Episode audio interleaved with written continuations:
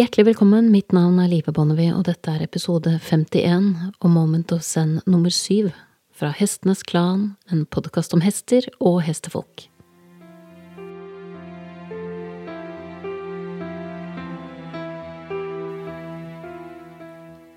Jeg nevnte i episode 48 at jeg har meldt meg på et kurs for å finne og legge noen puslespillbrikker som jeg har lett etter i flere år når det gjelder samspill med hester.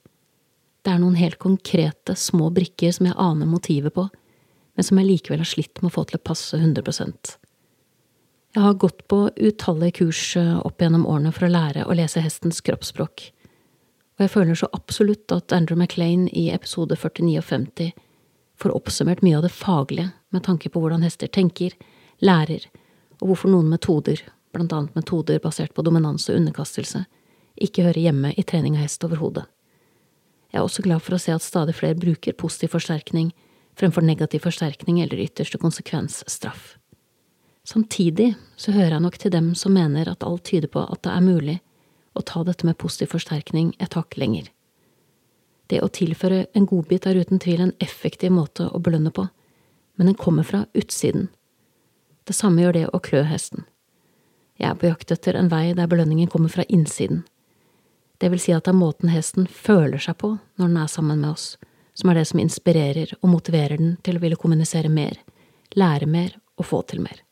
Kurset jeg deltar på for tiden, er internasjonalt, og det er nettopp rytterens innside vi jobber med. Ikke i form av kjernemuskulatur, men mer i form av hva vi er laget av innerst, fordi dette har innvirkning på hvordan vi påvirker hesten innerst. Og siden det er deltakere fra hele verden, så er det lagt opp til at vi sender inn videoer til analyse. Og det har vært en interessant erfaring å ha med seg kamera i stallen, noe jeg normalt skyr som pesten. Jeg har aldri hatt noe ønske av å se hesten min og meg fra utsiden, men heller fokusere på å kjenne oss fra innsiden.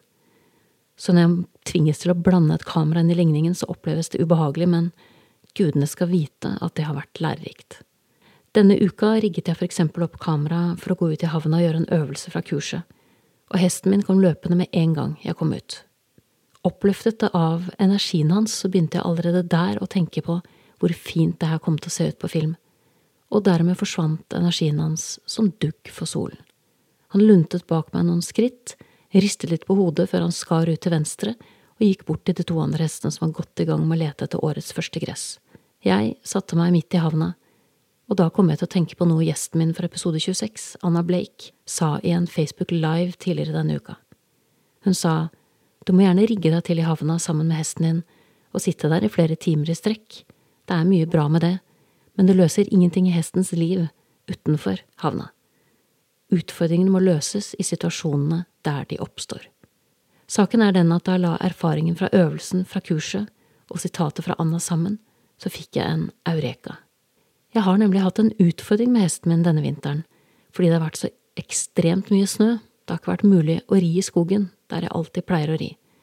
Dermed har vi måttet ri i boligmiljøer med trafikk, folk, barnevogner, ski og akebrett på alle kanter.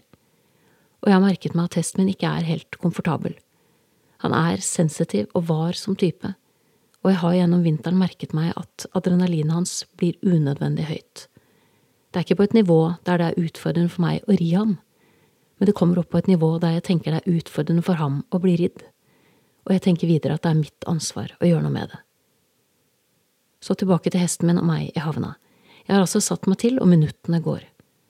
Og etter rundt fem minutter så vekker jeg omsider interessen til både min og en annen hest. De kommer bort til meg, begge to. Og igjen rekker jeg å tenke at dette blir glimrende bilder, før hesten min etter å ha sjekket kjapt inn hos meg, går videre. Den andre hesten derimot blir stående og vil dele litt tid og gjerne ha litt kos. Så jeg klør ham på halsen, mens jeg følger med på min egen hest i øyekroken. Hesten min har fanget opp at oppmerksomheten min er delt, og begynner tilsynelatende å undersøke hva som deler den. På opptaket etterpå kan jeg tydelig se hvordan han nærmer seg stedet der kameraet står, med mulen mot bakken som en sporhund. Så hever han hodet og ser rett inn i kameraet i et par minutter, mens han tidvis lytter etter meg med ett øre og når jeg kommer tilbake med en grime noen minutter senere for å ta ham med inn, så viser han ingen tegn til å komme. En interessant kontrast til energien han opprinnelig hadde da jeg kom. Jeg venter i nye fem minutter, Så innser jeg hvorfor han trekker seg unna, og hvorfor han ikke kommer. Han trenger at jeg er 100% til stede i øyeblikket. Han trenger også at jeg har en plan, et tydelig forslag han kan forholde seg til. Å stå med grimen i hånden, passiv, er ikke en dialog. Det er i beste fall for ham en uinteressant monolog. Å ha 50% tilstedeværelse og 50% fokus på kamera er heller ikke godt nok. Ikke for ham. Så istedenfor å stå med grimen og vente på at han skal komme, bestemmer jeg meg for å invitere ham med ut på jakt etter årets første gule hestehov som skyter opp på bakken akkurat nå. Jeg snur meg og går mot porten, og jeg merker at han følger etter meg med raske, lette steg. Så opptatt er han av å få være med nå at han slår over i trav for å ta meg igjen. Det er den energien han trenger fra meg, at jeg vet hvor vi skal, og hvorfor.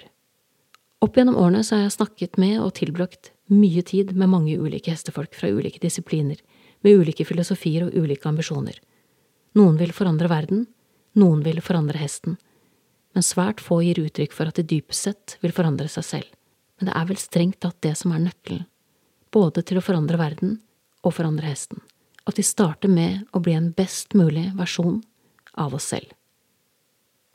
Du har nettopp hørt episode 51 om Moment of Zen nummer syv fra Hestenes Klan, en podkast om hester og hestefolk. Takk til min faste komponist Fredrik Blom, og sist, men ikke minst, takk til deg, kjære lytter, for tålmodigheten. Måtte hesten for alltid være med deg.